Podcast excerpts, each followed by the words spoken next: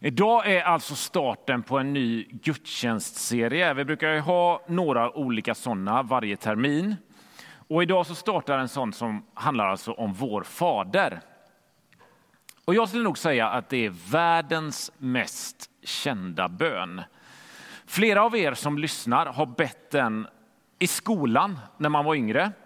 Nu talar vi visserligen om en del år tillbaka, men förr så var det ju så att andakt och bön ingick i skolundervisningen. Det gör ju inte det riktigt nu.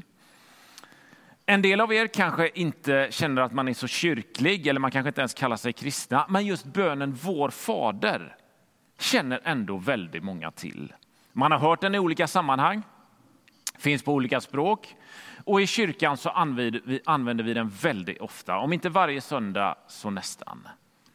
Och under de här veckorna så vill vi gräva lite djupare i den här bönen. Alltså vad är det Jesus egentligen säger till lärjungarna när han säger att de ska be den här bönen? För vi kan vara ganska övertygade om att Jesus menar inte att den här bönen är liksom en hemlig ramsa.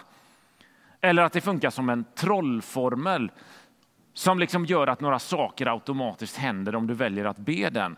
Utan orden som finns i bönen Vår Fader måste ju vara något mycket djupare än så. Alltså något som är väldigt kärnfullt, något som säger något om Gud och något som säger något om oss.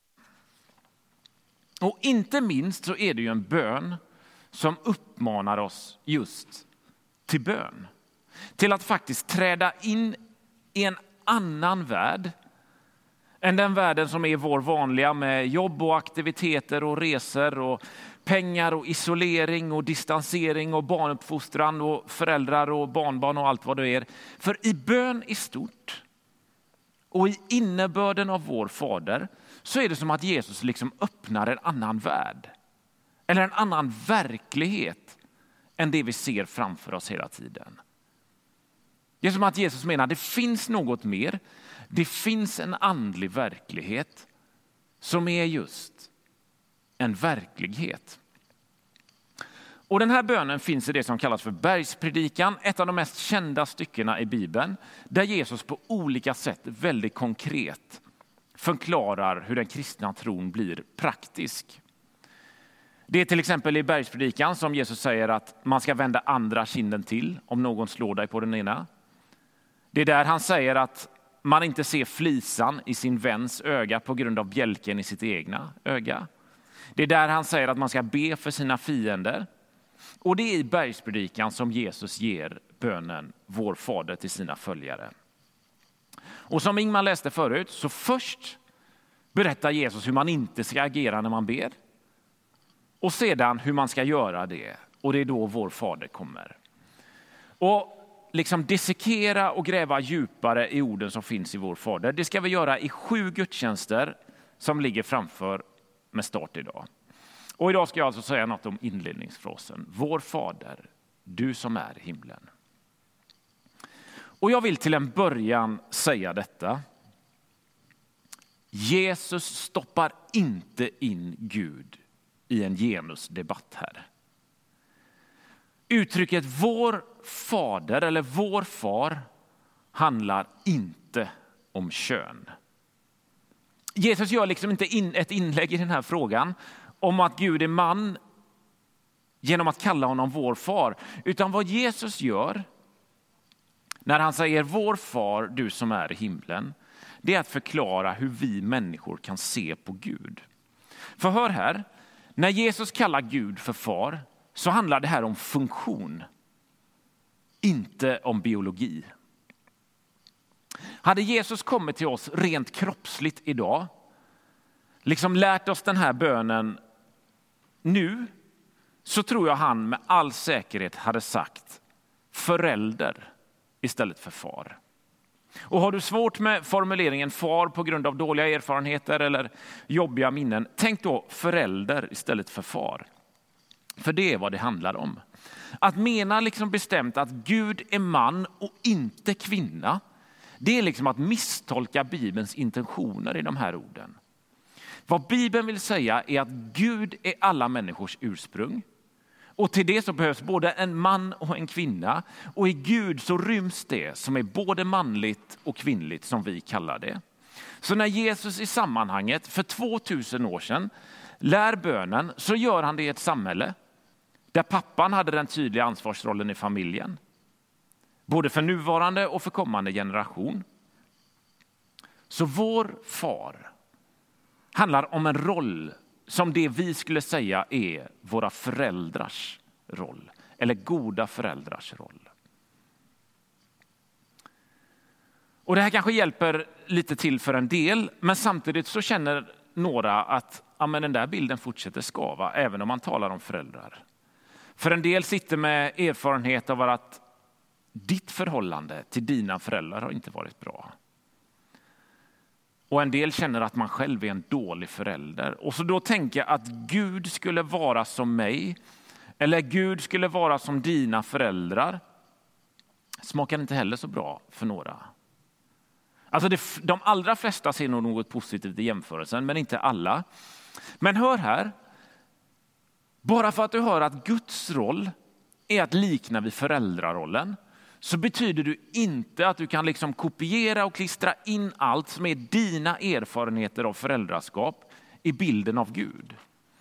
Utan sanningen är ju den att Bibeln menar att Gud är den modell från vilket allt gott föräldraskap utgår och liksom borde hämta sina förutsättningar ifrån. Det betyder som Gud är så borde varje sund och klok förälder vara. Det är någonting, det första du kan ha med dig i strofen Vår Fader, du som är i himlen.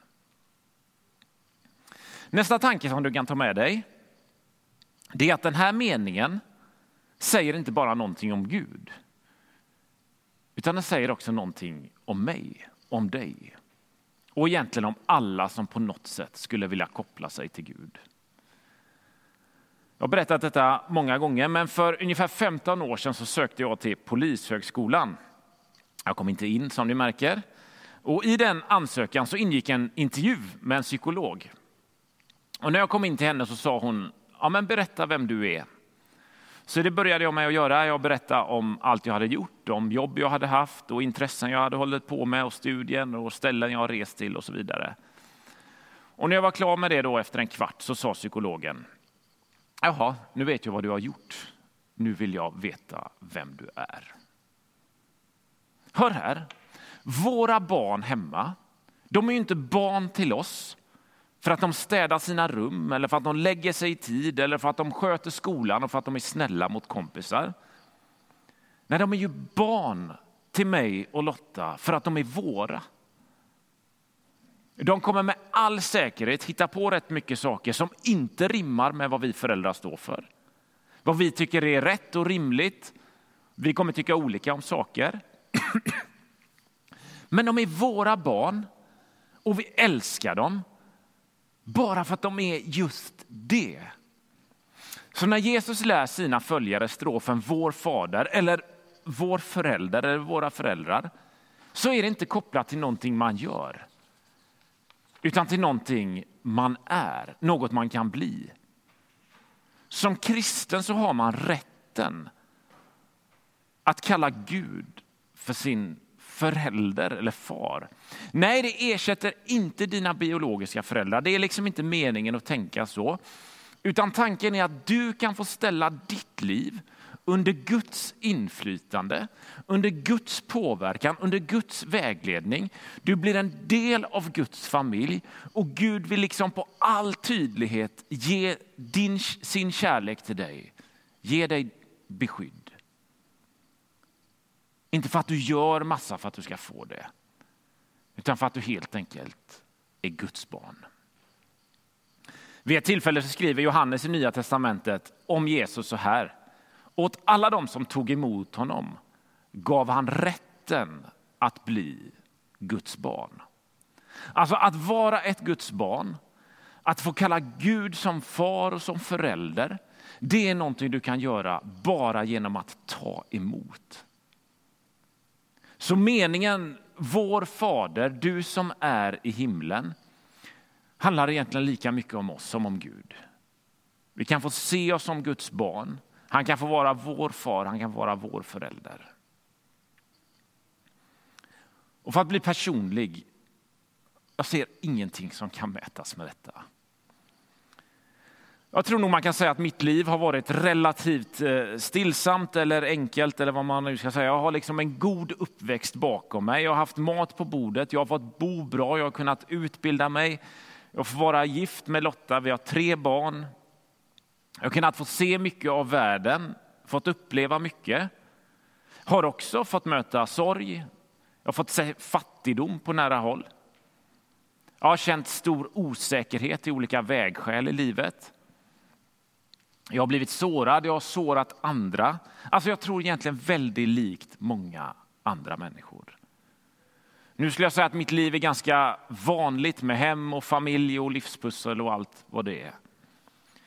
Men genom allt detta, både det vanliga och det ovanliga, i det enkla och det svåra, när jag varit glad eller ledsen, under tuffare perioder och under lättare perioder, så har för mig att få vara ett Guds barn, att jag fått tro på Jesus, att jag fått upptäcka honom, känna hans kärlek, hans glädje, hans vägledning, hans tröst, veta att jag är räddad till gemenskap med honom, trots alla mina brister. Att få en personlig relation med Jesus, det är någonting som håller igenom allt. Det hjälper mig att ha någon att rikta min glädje till, mitt tack till. Det bär i mörka stunder. Det ger ett hopp för framtiden. Vår far, du som är i himlen. Alltså det säger någonting om vem jag är. Och det säger också någonting om vem du är. Vem du kan få vara. Nämligen ett barn till Gud. Något du kan få bli genom att ta emot Jesus själv in i ditt liv. Senare i gudstjänsten så vill jag be en bön där du kan få be med om detta. Att för första gången börja kalla dig ett Guds barn för att du vill ta emot Jesus.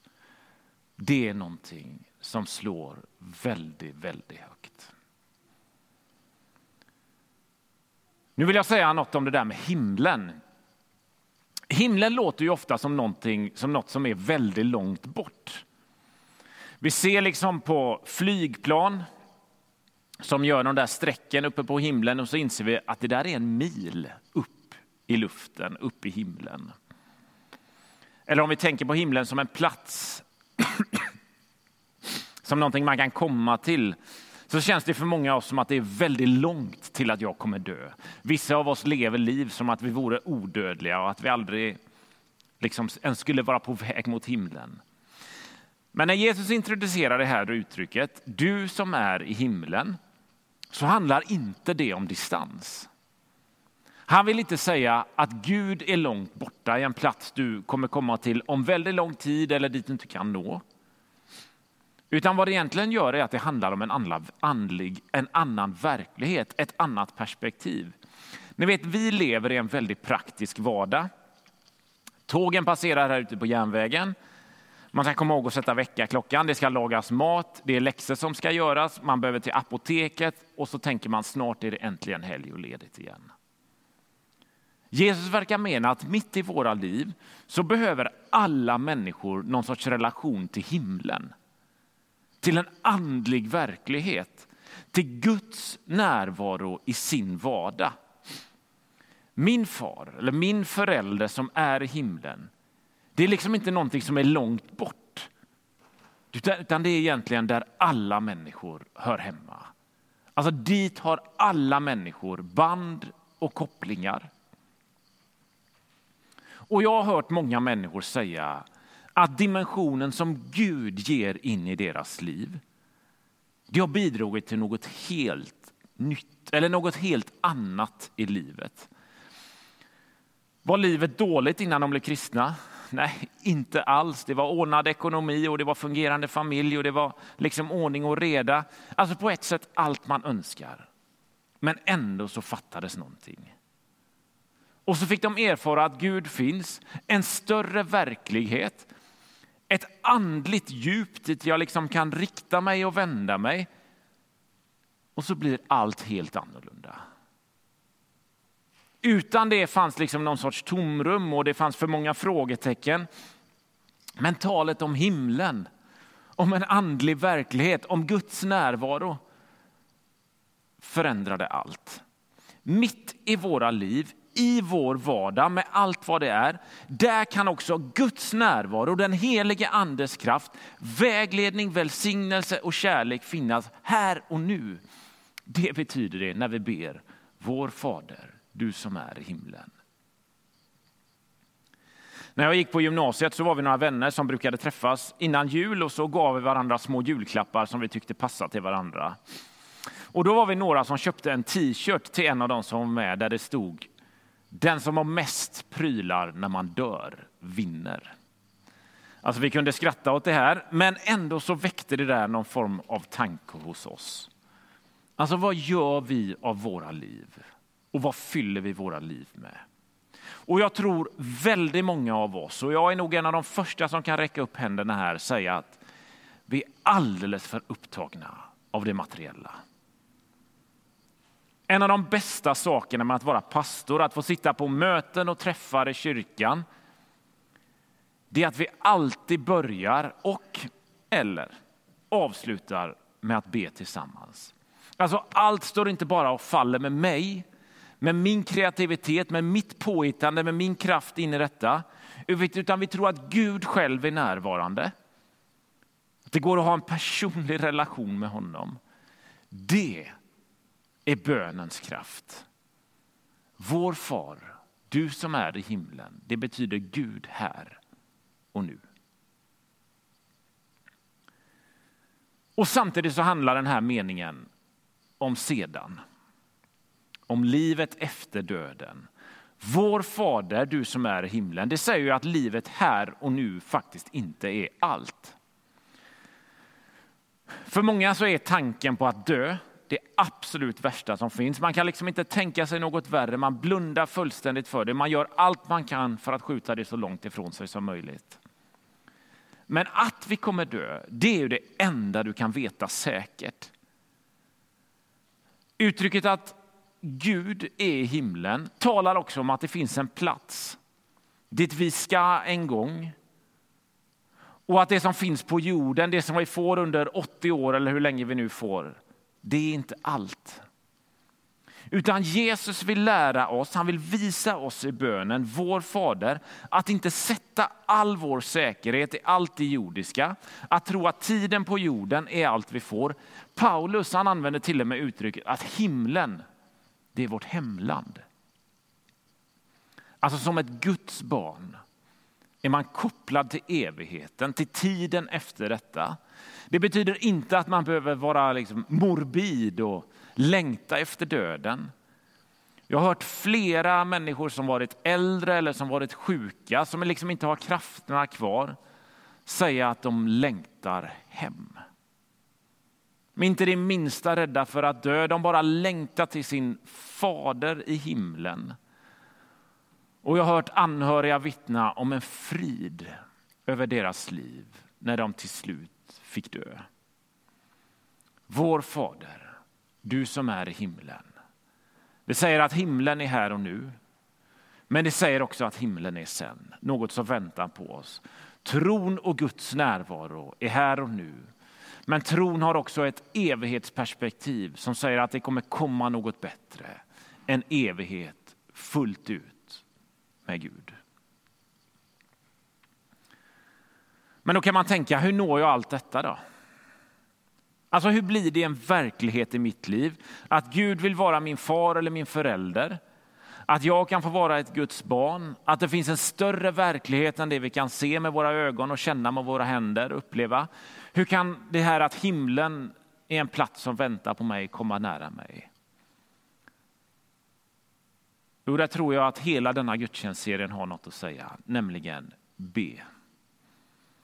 Be till Gud. Låt samtalet med Gud vara något vardagligt och något naturligt i ditt liv. Prata med Gud om det som är ditt liv, det du längtar efter, det du tänker på, din familj, dina nära, dina kära. Plocka liksom in en annan dimension i livet genom bönen.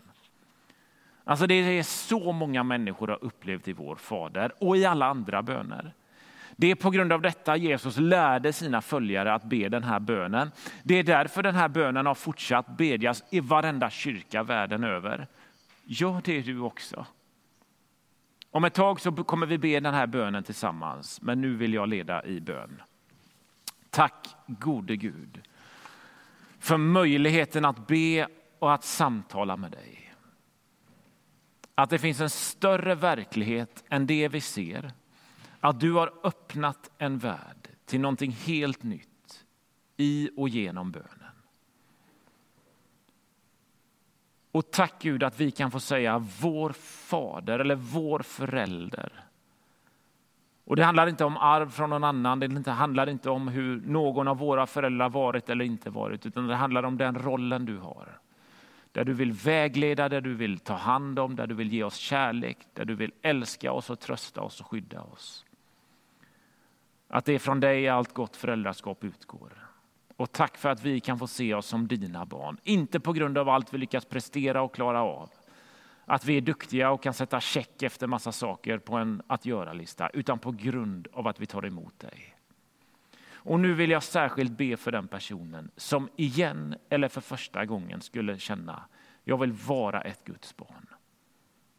För den människan som behöver få erfara och uppleva det igen. Och för den personen som för första gången säger, ja, men jag kanske inte kan så hemskt mycket, men att få vara ett Guds barn, den gåvan vill jag ta emot. Då ber jag om att den personen i detta nu kan få öppna sitt liv och säga välkommen in i mitt liv Jesus. Och tack att jag får vara ditt barn, att jag får ha Gud som min förälder. Så tackar jag dig också för den stora dimension av andlighet som finns i våra liv och i våra sammanhang. Låt oss få öppna dörren till det. Låt oss få se det lite tydligare. Inte glömma i vardag, i livspussel, i stress, i ensamhet att du själv är närvarande. Och så vill jag också be Gud för alla dem som känner en rädsla för döden, som känner en osäkerhet för vad som komma skall. Låt de människorna kunna få ta emot dig som en far som är i himlen och väntar på oss. I Jesu namn. Amen.